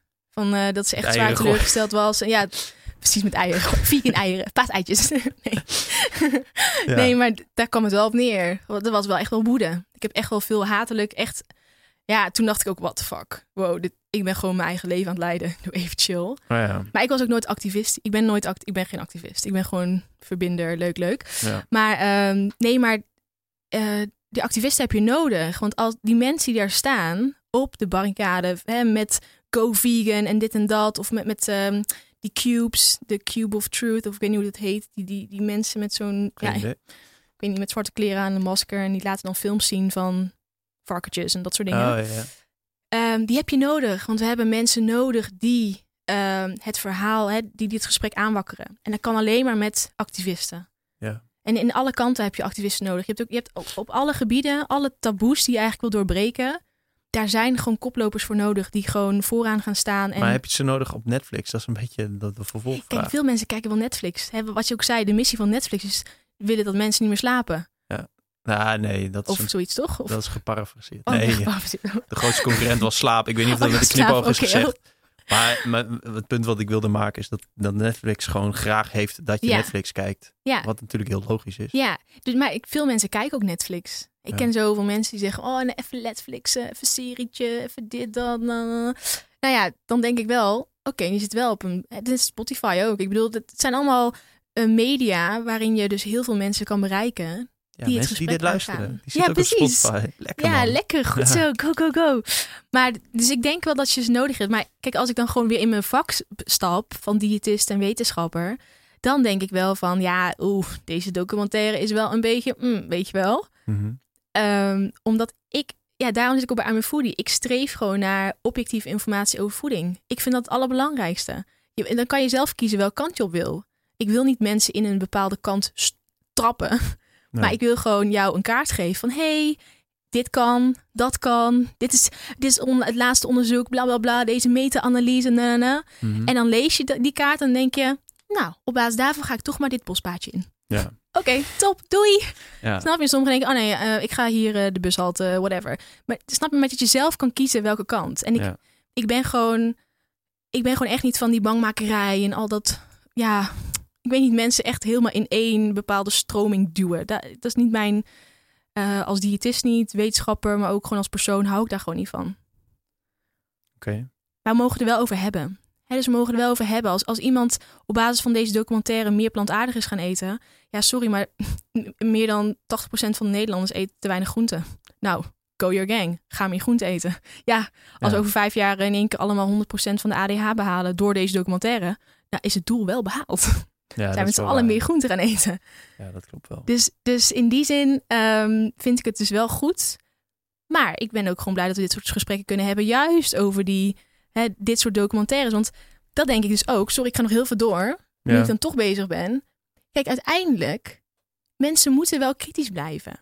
Want als je elke Netflix-documentaire gaat geloven en gebruikt voor gesprek, dan zal er waarschijnlijk weinig gesprek komen, omdat je overtuigd bent dat alles wat je hebt gehoord in die doc- documentaire waar is. Dan kan je geen dialoog meer voeren. Als dat je overtuiging is geworden, Mhm. dan loop je dialogen mis. Ja, maar je kunt toch dialoog hebben met mensen die niet hebben gezien of die het helemaal niks vinden. Ja, maar dan ga je toch overtuigen vanuit, vanuit misinformatie. Ja. En die misinformatie wordt de komende jaren alleen maar groter. Ja. Dus ik zou juist mensen willen stimuleren om kritisch te blijven. Altijd. Want het, wordt, het probleem gaat alleen maar groter worden. En ik denk dat dat een van de krachten is, of een van de eigenschappen is die je moet hebben voor de 21ste eeuw. Om wel echt kritisch te blijven. Ja. Omdat er zoveel bullshit op je af gaat komen. Nu al op je afkomt, maar nog veel meer gaat komen. Dat is wel een heftige voorspelling. Nou ja, heb je die documentaire gezien van, ehm, eh, hoe heet het? Cambridge Analytics. Oh nee, die docu heb ik niet gezien. Oh ja. Ja, dus da- daarna is het ook maar de vraag hoeveel daarvan waar is. Maar goed, ik heb wel vrienden die dat soort werk doen. Die wel dingen, zeg maar, beamen dat het zo gaat. Ja. Dus ehm, ik denk gewoon, Yuval Harari zegt zo mooi van... in the age of misinformation, clarity is power. Mhm. Dus ik denk gewoon dat die helderheid om kritisch te blijven nadenken... ja, maar, dan, dat ja, dat maar gewoon wel kracht is. we draaien een beetje in cirkeltjes. Alleen je kunt dus ook wel bij zo'n documentaire zoals deze hebben van oké, dit is helder voor mij. Dus hier kan ik mee verder. Waarschijnlijk heel veel mensen, ja. Ja, maar dat Klopt. is dus precies wat jij zegt. Eh, ja. ja, nee, klopt. Dus dat is ook is oké. Een soort van, ik heb die helderheid. Oh, nice. Dit, dit is, ah, nice. Dit is een anderhalf uur. Vermakelijk om te kijken. Ja, waarschijnlijk Vijf, hebben. vijf argumenten, eh, acht eh, topsporters. Ja, heel veel Oh, wetenschap. Nice. Oh, ze voelen zich allemaal beter. Ze zijn Ja. presteren goed. Oh, dit, dit klinkt eigenlijk wel top. Oh ja, de oplossing oh, is eigenlijk ook heel simpel. Ja. Geen vlees. zijn twee woorden. Ja. Oké, nice. Dan kan ik hier weer mee verder. ja, als je het zo bekijkt, is het ook helemaal Dat is een prima. beetje paradox. Dat Ja. probeer ik ermee te zeggen. Nee, dat is ook. Ik, ik denk dat uiteindelijk vind ik dat wel het doel, maar ik streef ook gewoon wel voor goede informatie over voeding. Oké, waar zijn we op het lijstje van de documentaire zelf? Nou, ehm, De baksindustrie? ik, ik zei net al tegen jou, maar die moet je even inleiden, want ik heb dus de laatste 20 minuten vandaag niet meer gekeken. Maar je had hem al wel Maar ik voor, had de hem al wel luister- gekeken, voor ja. luisteraars wel al twee keer gezien. Ja, maar dat was wel een paar maanden Nee, geleden. eh, eh, een groot onderdeel van de film was dat er veel. ehm, volgens mij, ik weet niet of hij een voorbeeld had in zijn eigen persoonlijke omgeving van iemand die rookte. Ja, volgens mij eh, Babe Ruth, de honkballer. Eh, een legendarische honkballer die op 55-jarige leeftijd overlijdt eh, leed aan keelkanker omdat hij rookte. En toen werd er link gelegd met de tabaksindustrie die in die tijd tot nog niet zo heel lang geleden topsporters inzetten voor reclamedoeleinden. En best wel wat leugens verspreiden over dat het goed voor je was, of in ieder geval niet slecht voor je was. Ja. Eh, toen is dat verboden en nu zijn er dus heel veel reclames over vlees eten met topsporters en over dat je een echte man bent en eh, Ja. dat soort dingen. Zij, hij, eh, hij, ik weet niet hoe dat die, deze logical fallacy heet. Maar hij legde dus, hij zei dus van oké, eerst deden bedrijven dit met tabak. Nu doen ze het met Oh, vlees. Ja. Dus vlees is tabak. Weet je, gewoon ja, zo van. zo. Ja. Dus vlees is net zo goed als tabak destijds was. Ja, dus bijvoorbeeld die zou je kunnen toepassen op bewerkt vlees. Dus bewerkt vlees, highly processed meat. Want daarvan weten we dat het zo bewerkt dat, ehm, ja, dat dat gewoon niet zo gezond voor je is als je dat heel regelmatig eet. Ja, dus eh, weet ik, ja, ik, ik ben helemaal geen vleesexpert. Ik, ik weet niet, gewoon alles wat gerookt is, eh, waar iets omheen zit, zeg maar wat niet in de originele staat. Nee, precies. Dus, Voorkomt. eh, dus eh, boterhamborst, Ja, dat frikandellen. Oh ja, dat soort dingen. Ja, klopt. Maar ja. Wilbert, Ja. wie kent hem niet? Wie van, hem vriend van de show. Eh, Ja. Ik denk bronsmember. Ik weet Ja. nog niet precies hoe, Shout-out naar ga- Wil Pret. Hij vindt de, de frikandel eigenlijk het mooiste product wat er is. aan het perspectief. Nee, Dus maar het dat komt, ah, dat komt omdat het restafval Ja, precies. Daarom, ja. is. Dus, dus als je nog een vanuit, product van gewoon. ja, precies. Dus als je het vanuit die hoek bekijkt, dan is, Ja. dan is gehakt ook hartstikke goed. Ja. Maar als je gaat kijken dus vanuit het gezondheidsperspectief, sigaretten en vlees vergelijken, Ja. dan komen we toch wel op bij highly processed meat, dat dat minder gezond is. Maar dat weten we. Ja. Maar als je gewoon een stuk vlees hebt wat niet bewerkt is, gewoon van de buren komt omdat die, weet ik veel, een koe in de staan en die hebben ze geslacht. Dat is geen bewerkt vlees. Nee. Dat kan je gewoon eten. Ja. Dus, dus, de, dus we moeten heel goed kijken naar de context. Ja, en daar, daar moet nog natuurlijk bij gezegd worden dat voor alle producten wordt natuurlijk reclame gemaakt. Je had het net over zeker. avocado's. Ja, Dus zowel voor dingen die je als voedzaam zou kunnen zien als die niet Ja. voedzaam zijn, wordt Ja. reclame voor gemaakt. Ja, en ik denk ook wel, kijk, sporters die hebben een, een uniek imago. Ik, ik word heel vaak benaderd door bedrijven. Of ik mijn sporters wil benaderen, of zij met die bedrijven willen werken. Mhm. Dan snapt ze het systeem niet. Want ik ben gewoon een paramedicus die gewoon sporters begeleidt. En ik ga mezelf daar niet voor inzetten om een of andere uithangbord te zijn voor die bedrijven. Maar die bedrijven willen dus met sporters samenwerken, omdat sporters hebben eigenlijk ja, zoveel mooie eigenschappen. En ze, ze presteren, eh, ze, zijn, hebben, ze zijn gedisciplineerd, ze moeten goed eten, eh, bla bla bla. Dus bedrijven willen heel graag een soort van tak van sport voor sport opzetten Ja. om hun product via sporters te promoten. Ja. En, en ehm, nou, dat gebeurt bijvoorbeeld bij Friesland Campina, die natuurlijk al die sporters inzet voor hun kwark. Mhm. Ehm, maar je ziet nu ook wel het plantaardige alternatief om de hoek kijken. Van hé, hey, we hebben nu dit eigenlijk ontwikkeld als tegengeluid op Campina. Met welke topsporters kunnen wij samenwerken? Dus dat, dus dat, dat gepromoot zul je altijd hebben van commerciële partijen. Ja, maar dat beperkt zich natuurlijk ook niet alleen tot voeding. Nee, klopt. Nee, klopt. Dus ja, dus ik, ik, ik dacht dan, dat soort van, die, dat statement van vlees eten is het nieuwe roken. Ja, ja, ik- vind, ik- ik, ik vind ik gewoon het- heel heftig. oké. Ja, nee, ik vroeg het omdat ik het zelf heel stom vond. Maar Ja. je geeft niet echt een antwoord op. Maar Oh, nou, nou Nee, stom. nee, ik vind, nee, nou, ik, nee, ik ben dus genuanceerd. Ik zeg dan van, ligt er dus aan wat voor vlees je bedoelt en vanuit welk perspectief je het kijkt. Ja. Maar ik vind het ook niet, ik, ik vind niet dat het meteen zo kan. Maar als je het dus over bewerkt vlees hebt, dan zeg ik ja, klopt. eet jij zelf bewerkt vlees? Nee, Gewoon nooit. nee, nee, nooit. Maar je zei net dat je het moeilijk onderscheiden vindt. Of jij, wat, wat voor vlees eet je dan wel? Nee, ik eet eigenlijk geen vlees. Je eet- Oké. Ik eet heel af en toe eet ik wat vlees, omdat mijn bro- schoonbroer jager is, die dan iets heeft geschoten. Ja. in opdracht van natuurbeheer. En dan eet ik bijvoorbeeld hert. Oh ja. Dat vind ik heel lekker. Maar ik eet, ik eet geen vlees. Ja, Oké. Ik weet niet hoe ik kip moet maken. Dus Ehm, Voor recepten kijk op jelmedeboer.nl. Nee, Ja. ja. ik weet niet of ik iets met... Ja, ik heb wel iets. Je hebt denk ik. Lekkere ramen. Mm. Eh, waar ben jij op je lijstje? Ehm, even kijken. Oh ja, dus, oh ja, dat was ook nog een leuke cherrypicking. Ik, zit, ik, ik ben dus, ik heb gewoon nu iets openstaan hoor. Ehm, er komt op een gegeven moment zo'n dokter, dokter Scott Stoll. Hij was sportarts van het eh, Amerikaanse Olympische team. En hij kwam eigenlijk eh, het pakket van eiwitten, plantaardig versus dierlijk, eh, ging hij een beetje tegen elkaar afzetten. Mhm. En daarin zei hij dus van ehm, dat heemijzer, eh, een variant van ijzer die dus in vlees zit, dat dat super ontstekingsbevorderend is. En dat ook ehm, dierlijk eiwit zorgt voor ehm, een veranderd microbioom. Nou, wat daarin heel belangrijk is om te weten, is dat heemijzer wel gewoon super. Dat is niet ontstekingsremmend. Dat is ook helemaal uit zijn verband getrokken. On- ontstekingsbevorderend. Be- bevorderend, inderdaad. Het is helemaal uit zijn verband getrokken. En ehm, het microbioom verandert altijd. En dus als je nu een, een maand naar Thailand gaat, heb je ook een veranderd microbioom, omdat je gewoon anders gaat eten. Ja. Als je in één keer heel veel suiker gaat eten, verandert je microbioom ook. En daardoor is het heel belangrijk om gewoon zoveel mogelijk onbewerkte producten te eten. Dat is de grondlegger van een goed microbioom. En vari- gevarieerd. Echt varieert, ja, zeker. Maar gewoon zo min mogelijk bewerkt. Maar langzaamaan gaan we wel echt weer naar de, de eeuwige saaie conclusie. Ja. De Michael Pollan conclusie, zeg maar. Ja. Wil jij hem zeggen?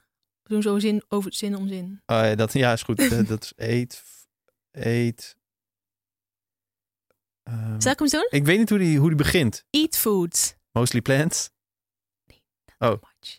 What, not too much. Mostly plants. Oh ja. Wauw.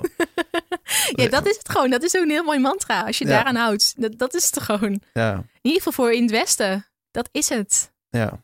Ja. Ja, maar, en, maar verder dus nog, we hadden het ook over die cherrypicking. Ja, ik heb dus ook echt die studies heb ik allemaal met de hand opgezocht. Het was heel leuk werk, lang werk ook. Ehm, maar het ging dus heel erg over die ontstekingen. En ja, ontstekingen zijn super slecht. Alleen ze laten dan een studie zien. ehm, wat gaat dan over die ontstekingen? Maar het interessante is, in de sport heb je die ontsteking, heb je acute ontstekingen nodig. Want wanneer, je, wanneer we nu vijf kilometer gaan hardlopen of een week veel een sprintje trekken naar Centraal Station, Mhm.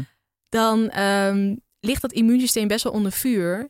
En ja, dat komt omdat er dus heel veel eigenlijk acute ontstekingen ontstaan in het lichaam, omdat er in één keer gewoon ja, een sport wordt ingezet, een activiteit, een actieve activiteit wordt ingezet. Ja. Maar die acute ontstekingen heb je juist nodig, want daardoor krijg je eigenlijk die prikkel om weer beter te worden. Je krijgt je lichaam een prikkel om te herstellen, om weet ik veel spier, spieropbouw te doen en noem maar op. Dus acute ontstekingen zijn helemaal niet erg. Die heb je dus nodig om beter te worden. Maar ehm chronische ontstekingen wil je liever niet. En hier in, het, in, in, in dat stukje over die ontstekingen, dan laten ze eigenlijk de eh, gevolgen zien van on- chronische ontstekingen. Maar ze doen het lijken alsof het dus acute ontstekingen zijn. Of gevolgen Oh. zijn van iets eten. Ja. Terwijl chronische ontstekingen krijg je door leefstijl. Krijg je door slechte voeding. Krijg je door veel stress. Noem maar op. Ja, en je wil het liefst geen chronische ontstekingen in je lichaam. Hè, want dat betekent dat je lichaam de hele tijd bezig is met dat herstel. Ehm, en dat betekent dat je lichaam gewoon de hele dag onder vuur ligt. eh, van de stress, van eh, weinig slapen en noem maar op. Mhm. Dus dat was heel interessant. En toen gingen ze door naar antioxidanten. Dat vind ik dan het leukste, want dan he- hebben we het over vrije radicalen die dan ontstaan en noem maar op. Ehm, Kun je daar iets, iets over toelichten? Vrije radicalen ontstaan bij... Ja. bij stress. Oh, Ja, eigenlijk bij celstress. ja. Dus vrije radicalen ontstaan als je gewoon in de binnenstad loopt van Amsterdam. Heb je vrije radicalen in je lichaam. Maar ook als je gaat sporten. eh, eigenlijk alles wat een beetje stress in het lichaam veroorzaakt. Mhm. Daardoor krijg je vrije radicalen. Die vallen eigenlijk ook goede cellen aan. Dus je wil eigenlijk zorgen dat je voldoende antioxidanten in je bloed hebt. Die eigenlijk die cellen kunnen beschermen tegen die vrije radicalen. Dus wordt heel vaak gedaan dat antioxidanten, dat, dat je dat nodig hebt, dat je dat moet suppleren en noem maar op. Eh, maar dat hoeft eigenlijk helemaal niet. Want als je gewoon goed eet, gezond eet, zo min mogelijk bewerkt, varieert, dan heb je voldoende daarvan in je lichaam. En dan kan je lichaam dat makkelijk aan. Maar hier hadden ze ook een eh, mooie, hadden ze een, ehm, het was een fragment en dan zeiden ze van switching to a plant-based diet can help reduce measures of inflammations. Eh, inflammation. En dat ging dus over die antioxidanten. En toen pakte ik die studie erbij. En die studie ging niet over een plant-based diet. Die studie ging over een vegan lifestyle. Mhm. In die studie deden, ze, deden meer dan 600 deelnemers aan mee. eh, In een periode van zeven jaar. Ze hadden allemaal obesitas. Dus ze gingen allemaal afvallen in een bepaalde periode. En ze werden betaald om mee te doen aan die studie. En daarvoor gingen ze naar een bepaald resort. eh, gingen ze allemaal meditatieoefeningen doen, yoga, allemaal hè, echt lifestyle changing. ik wil het ook wel. Ja, en, eh, en dus ook veganistisch eten, dat kregen ze daar dan. Ja. En op basis daarvan he- hebben ze dus die conclusie getrokken in die documentaire. Switching to a plant-based diet can help reduce measures of inflammation. Dus, maar ja, oké. Maar En- het ging over de, de complete aanpak ja, van de hele lifestyle. Dus de conclusie was gewoon eigenlijk wat jij net zei. Je leefstijl veranderen naar een minder stress, minder stress. beter eten, Ja, meer slapen, is Ja. altijd goed. Ja. Ja, dus, maar, dit- maar dit was als een type van cherrypicking. Ja. Ze, pikten dus wel een studie uit. Ze zeggen niks over heel die opzet en over hoe eigenlijk gebiased eigenlijk die hele opzet was. Maar ze laten het lijken alsof het plantaardige voedingspatroon, dat dat zorgt voor minder inflammatie. Mhm. Maar als je een plantaardig voedingspatroon eet met elke dag vegan junkfood, heb je ook inflammatie, chronisch. Dus het ligt aan hoe je dat plantaardige voedingspatroon vormgeeft. Interessant. ja. Ehm, ja, ik zit even te kijken wat nog meer. Want, want wat voor vragen had jij nog meer gekregen? Ik heb hier ook nog wel een paar van die vragen hoor. Ehm, even kijken hoor. Nee, ik weet niet of, of, de, of de, de microfoon al aan stond terwijl we het erover hadden. Dat eh, hoe landbouw, hoe, hoe veehouderij in Amerika is, is niet hoe het in Nederland is. Ja. Dus al die onheilspellende eh luchtvideografie over grote, ja, supergrote bijeenkomsten van koeien op Bijeenkomsten. ja, op, la- op land waar geen gras, gras groeit. Ja. Het is een beetje een soort van. Ja, dat vind ik sowieso een beetje gek altijd. Dat, Ja. is, niet, dat is niet hoe. Ik weet niet hoe dat. Of dat alleen maar in Amerika is en eh, voornamelijk. Dat is wel in is. Amerika, ja. Ja, en ook wel in Azië. Maar Nou ja, dat, is, is, dat zijn wel typisch Amerikaanse beelden. En ik, ja, daarin ook denk ik ook dat het belangrijk is dan... In Nederland hebben we een hele andere wetgeving. Zijn we super streng ook met antibiotica en noem maar op. In Amerika is dat allemaal wat minder. En heel veel beelden die je ziet, die, ja, die komen gewoon uit Amerika. ja. En sowieso bij deze documentaire of film. Ehm, ja, in Nederland hebben we niet van dat soort arealen waar per, weet ik veel, zoveel vierkante meter zoveel koeien staan en het gaat maar door. Mhm. Dat hebben we niet. Het zou wel mooi zijn om, om bij Netflix te pitchen om gewoon de, de standard Ja, Dutch diet, waarom, waarin we gewoon lekker op de fiets naar het werk gaan ja precies. en dan gewoon een beetje gevarieerd eten. Ik ga eens even kijken naar mijn vragen. Ne- een soort Nederlandse ver- versie ervan. Ja. Ja, nee, het is goed, het is belangrijk. Ik zie wel vaker van dat soort documentaires hoor, waar, waarin je toch wel, ja, toch wel heftige beelden ziet, maar die gewoon wel uit Amerika komen. En daar is de regelgeving gewoon veel, ja, milder, zeg ik maar. ja. In Nederland is dat wel wat strikter geregeld. Ik zeg niet dat het hier in Nederland, eh, weet ik veel, je van het is, maar er zit wel een verschil in.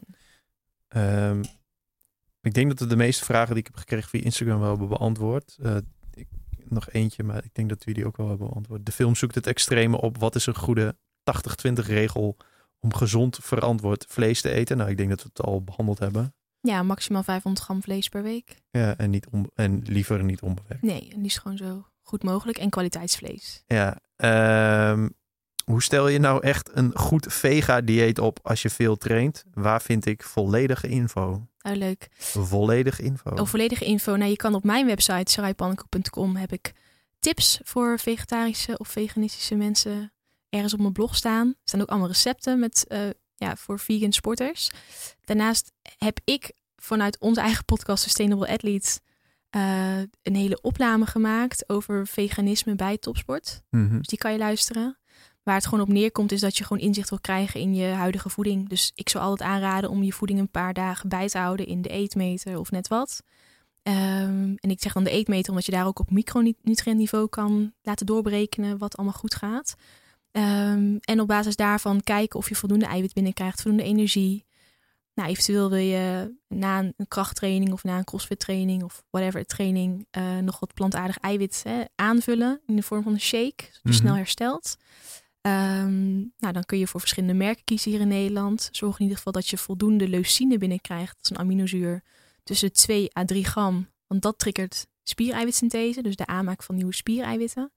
Eh, en als je eventueel nog wil gaan voor supplementen, omdat je eh, explosieve sport beoefent, dan zou ik zeggen creatine is een must. Want creatine zit voornamelijk, hè, mensen die, die vlees eten, krijgen dat voldoende binnen. En uit onderzoek weten we ook dat vegetarische sporters eh, minder creatine levels, lage creatine levels hebben in het lichaam. Dus dan zou creatine suppleren. Waar is creatine goed voor? Ehm, dat is goed voor explosieve inspanningen. Dus inspanningen waarbij je in korte tijd heel veel kracht nodig hebt om ja, die energie zeg maar, te genereren. Om te sprinten, om te tillen of net wat. Mhm. Ehm, en creatine kan je starten met een laadfase of een onderhoudsfase. Ik dacht dat het bullshit was. Mag beide. Ja, wat je zelf wilt. Ik, vaak zeg ik wel laadfase, zeker bij mensen die nog nooit creatine hebben geprobeerd. Omdat je dan meteen ziet binnen een week of ze eh, op creatine reageren of niet. Oké. Je hebt eh 30% is ongeveer non-responder. En als je dus met de onderhoudsfase start, dan, heb je dat, dan weet je het niet. Weet je niet of iemand aankomt in gewicht. Dat zie je pas Oh, na een ja. paar maanden. Eh, en ook nog eventueel, hè, stel je doet crossfit of andere, ja, een andere vorm van explosieve sport. Dan zou eh beta-alanine ook nog goed kunnen zijn. En beta-alanine zorgt ervoor dat je minder snel verzuurt. Omdat het eigenlijk de waterstofionen die optreden bij verzuring, dus lactaat, afvoeren. Ehm, en dat zou je dan kunnen doen met een laadfase van vier tot zes weken. Ehm het staat allemaal in mijn boek Eten een atleet, dus je kan het allemaal raadplegen daar. En, ehm, eh, en daarna ga je een, lichte, la- ja, een korte onderhoudsfase in. Mhm. Dat is dan echt voor explosieve inspanningen. Dus stel je bent dure sporter, dan is dit niet echt. Dan zijn die laatste twee tips niet echt voor jou. Want het hangt af van de context. Hè? Want je wil die creatine en beta-alanine heb je nodig voor explosieve inspanningen. Oké. Oké, duidelijk verhaal. Dus je website, je boek of eh, nog even Ja. de afgelopen drie minuten terugluisteren. Ja, precies. Of dus de, de, de podcast van Sustainable Athlete over veganisme. Daar ga ik wat dieper op in. Oké, Ja. podcast. Ehm, ik heb denk ik nog één vraag in mijn overzicht. Ik weet niet of jij dat nog hebt. Ehm, het stukje over de samenstelling van je bloed. Daar heb ik twee vragen over. Ja. Omdat in het, in de docu gaat het over als je vlees eet, verandert de samenstelling van je bloed. Nou, je hebt al gezegd dat het eh, gewoon is met alles wat je eet. Ja. Dus dat is allemaal niet zo spannend. Nou, de vraag is dus, gebeurt dat met zuivel ook? Want- Ja, het gebeurt altijd. Dus eigenlijk alles wat je eet gaat via de maag, wordt eh, daar een beetje in de week gezet. In de dunne darm worden alles, alle dingen opgenomen en dan gaat het meeste gaat direct door het bloed wordt het getransporteerd naar de plek waar het nodig is. Mhm. Dus het komt altijd aan in je bloed. Ja, Eén Dus aminozuur, alles- ja, één vetmolecuul. dus Dus- alles wat je eet komt sowieso in je bloed. Dus het Ja. verandert, maar dat is niet erg. Dat, is niet erg. Tenzij je dus alleen maar junkfood eet, dan, is het, dan zou ik misschien wel zeggen, hey, probeer wat meer minder junkfood te eten. Want uiteindelijk is het natuurlijk wel erg als je dat doet. Dan Ja. slip je ader helemaal dicht. Dat wil je niet. Oh ja, ik, kom, ik bedenk me opeens iets. Er was nog een stuk in de docu, voordat we gaan afronden. Ja. Dat ging over eh, farmland, wat werd gebruikt voor veehouderijen. Ja. Terwijl dat ook zou kunnen worden gebruikt voor eh, akkerbouw. Ja. Maar dat is, ik denk dat daar dat te weten, Ja, vertel dat op me. heel veel plekken gewoon niks groeit, behalve gras voor koeien. Ja. Waaronder bijvoorbeeld in Nederlandse polders, waar voornamelijk gras groeit, waardoor de koeien rondlopen, waardoor wij in Nederland superveel zuivelproducten eten, omdat ja, dat is er nou, is er nou eenmaal. Zeg maar. Ja, dus als die koeien naar buiten, gaan en die eten dat gas, is dat supergoed. Ja. Ehm, als er dus andere granen worden verbouwd die eigenlijk bedoeld zijn voor veevoer, dan heeft de voorkeur eigenlijk wel dat, die, dat er andere granen worden verbouwd voor menselijke consumptie. Ja, maar dat is, dat is de stelregel. Maar je kunt niet Ja. zomaar zeggen van oké, overal waar Nee. dieren grazen, moeten we gewoon iets gaan verbouwen voor. Nee, dat kan soms niet. Nee. Eh, Daar is soms het land dus niet voor. Dat heb je in Nederland dus ook. Maar daar heb je bijvoorbeeld ook in hele warme landen. Waar alleen wel gas groeit. En dan Ja, zijn eh, koeien heel efficiënt om juist dat gas om te zetten in... Ja, en berghellingen en dat Ja, soort, precies, eh, ja. dat soort dingen. Ja. Maar ja, misschien als daar eerder een bos stond, weet je wel, dan krijgen we die discussie. een voedselbos. Ja. Maar ja, ehm, Doe nog wel even die allerlaatste vraag. Die rechtsonder in die hoek. Die vind ik gewoon heel leuk. oh ja. maar die mag jij beantwoorden. Oké. Als je moest kiezen, de wereld kapot of alleen nog vegetarisch eten, hoe wil je je biefstuk dan? Ja, dan zou ik zeggen, probeer gewoon zo'n Beyond Meat of zoiets. Zo'n zo'n biefstuk. Ja, ik, heb, ik, weet daar helemaal, ik weet daar helemaal niks van. Plantaardig biefstuk. Of dat, eh, komen heel mooi is. in de buurt van, van dat soort initiatieven die echt super erg lijken op ja, gewoon echt biefstuk-achtige taferelen, maar gewoon niet gemaakt zijn van dierlijke producten. Ik ben er wel benieuwd naar. Tot voor nu vind ik, zeg maar, al die, alle, be- alle vegetarische varianten van bewerkt vlees eh, vind ik eh, top. Ja. Bijna, bij, ja, bijna allemaal top. Eh, vegetarische bitterballen en kroketten vind ik heel lekker. Oh, ja. junkfood. Ik vond die vegetarische gehaktbal heel lekker van de vegetarische slager. Hmm, die ken ik niet. Oh, Alleen is- ja, de kipstukjes vind ik dan wel Oh, echt ja. heel vies. Oh ja, nee, ik, ja, want ik vind eigenlijk voor de rest vind ik niet, niet zo heel veel lekker daarvan. Eh, en eh, mensen vinden dat uh, broodje ook eh, heel lekker. Die vind ik ook goor. En die filet amerikaan. Oh ja, die eet maar dus wel nu. eh, dat zijn allemaal eh, onzinnige details. Heb jij nog dingen die je nog... even kijken. Of, willen we, of gaan we naar een conclusie? Ja, de conclusie was eigenlijk al op, eh, op een derde van deze eh, podcast. Oh ja, ehm, even kijken. Krijg je ontsteking van het eten van vlees? Die hebben we ook al gehad. Nee. Ehm. ja, nee, ik denk, ja, ik heb nog echt super, super veel, maar ik denk dat het allemaal een beetje, dat we toch wel de grootste gedeeltes of grootste, belangrijkste punten eruit hebben gehaald. Dus dat is super goed. Ja, ik denk dat we. Dat mijn conclusie is dat ik. Ik weet niet of als er nou weer zo'n documentaire komt, of ik hem ga kijken, omdat. En ik wil geen voorspellingen doen, maar. Ja, hoe vaak moeten we nog het mantra van eh, Michael Pollan herhalen? Ja, mooi. hè? En, het, en mijn vertaling van het mantra is: eet geen troep.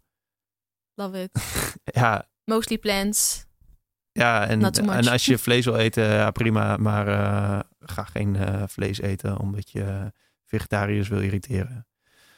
Eh. Zijn mensen die dat doen? Ja. Je hebt toch nu heel vaak dat, dat zeg maar een soort van, van die initiatieven zoals de. Week Zonder Vlees.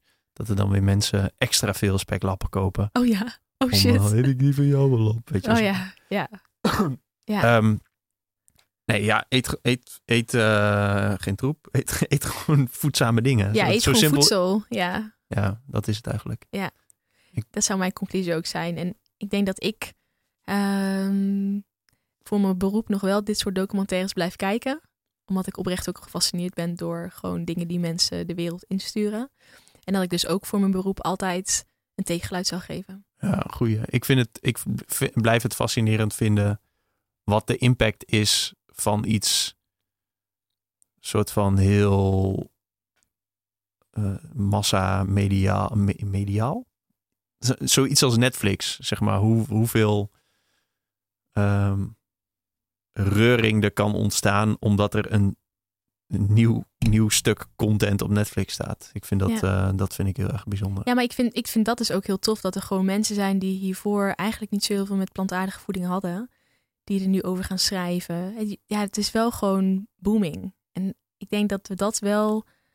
Ja, als er iets leuks is aan dat soort documentaires, is het wel dat. We hebben die verandering. We staan gewoon echt op zo'n groot punt om, om echt een bepaalde transitie in te gaan. Dus ik denk dat dat alleen maar heel fijn is als we, nou ja, dat die gesprekken gaan hebben. En Hm. ik moet ook wel echt denken, want ik weet nog echt vijf jaar geleden zat ik bij team, ja, ik ben dan lid geweest van team voeding van NOC-NSF. En ik weet nog dat ik met mijn collega's daar zat. Ik mocht een lezing geven over eh, duurzaamheid. En ik eh, vertelde over dat ik sporters meer, meer, meer plantaardig moest eten, minder dierlijk. Ja, en die mensen zaten echt eh, van, wat, wat is er met jou saai? Ik zei, nee, dat is echt beter voor de aarde en dit en dat en eh, noem maar op. En ja, ik, ik deed ook het Meet is Monday op het CTO. Van die Mhm. sporters allemaal verschrikkelijk. Maar ik dacht, nee, kom op jongens, let's do it. Ik denk als we nu een Meet is Monday wilden gaan doen, ik werk er niet meer. Dan, ehm, dan zou dat heel veel meer, veel meer kans van slagen hebben. Omdat ze allemaal die documentaire hebben gezien. Ja. Weet je, en het, het doel is toch, zeker in het Westen, om gewoon minder vlees te eten. Dus uiteindelijk ben ik wel blij dat het gesprek op gang is gekomen. En ehm, nou, nu gewoon alleen zorgen dat we dat gedrag wat we gaan veranderen, dat we het ook blijven behouden natuurlijk. Oké, mooi. Ja. Eén laatste dingetje. Ja. Hoe is het met Voedselbos? Ja, goed. We hebben. Nee, er wordt aanstaande, eh, weet ik veel, maandag of dinsdag gaat de site live. Waar je kan doneren. Crowdfunding is dat. Vanuit de Klimaatgrootouders en Urgenda. En ehm, we gaan in februari de eerste hagen planten. En die hagen zijn nodig om eh, de rest van het voedselbos te beschermen tegen wind en noem maar op. Dus als je haag plant, dan, dan groeien er ook weer andere dingen. Zeg maar zo ja, dus, het. ja, we, we Net zoals de Biggest Little. Farm. Ja, het is een beetje als de Biggest Little Farm inderdaad. We zitten ook bij een beekje. We hebben ook wat meer, eh, ja, een beetje lagen zeg maar. Maar dit is dan de eerste laag die nodig is om de rest ervan ook aan te kunnen planten. En dat gebeurt dan eh, volgend jaar, zomer, zoiets. Mhm. En dan gaan we verder. Dus het gaat heel goed. Maar we moeten, het duurt echt tien jaar over voordat je de eerste dingen eruit, je vruchten ervan af kan plukken. Oh, maar dan zijn we, dan zijn we er nog wel, denk ik. Mag hopen van wel. Ehm, maar wat is de URL dan van de website? Weet ik niet, sorry. Oh. Ik heb geen idee. Maar als mensen straks gaan googlen op voedselbos Sarai, dan komen ze er misschien nee, wel. ook niet, want het is vanuit eh, mijn schoonfamilie. Voedselbos Oh. eh, Leuker, zo moet je doen. Leuker? Leuker, want het is op de Leukerweg in Baaksem. Ah. Leuker, leuker. Dus als Ah, ja. je googelt eh, volgende week ergens op voedselbos leuker, dan kom je op de website van Klimaatgrootouders of Urgenda, ik weet eigenlijk niet. En dan eh, kan je doneren als je wilt. Oké, nou, we gaan waarschijnlijk nog wel een keer over podcasten, aangezien je... Ik, misschien heb je Guy nu wel ingehaald als eh, meest... meest verschijnende, Gast in de show. meest vaste gast. Ja. Oké, nou, eh, heel mooi. Eh, mensen bedankt voor het luisteren. Sarai, weer bedankt voor je aanwezigheid. Jij ook bedankt voor het leuke gesprek. Eh, ja, mensen, tot de volgende keer. Doei. Dat was hem. Doei.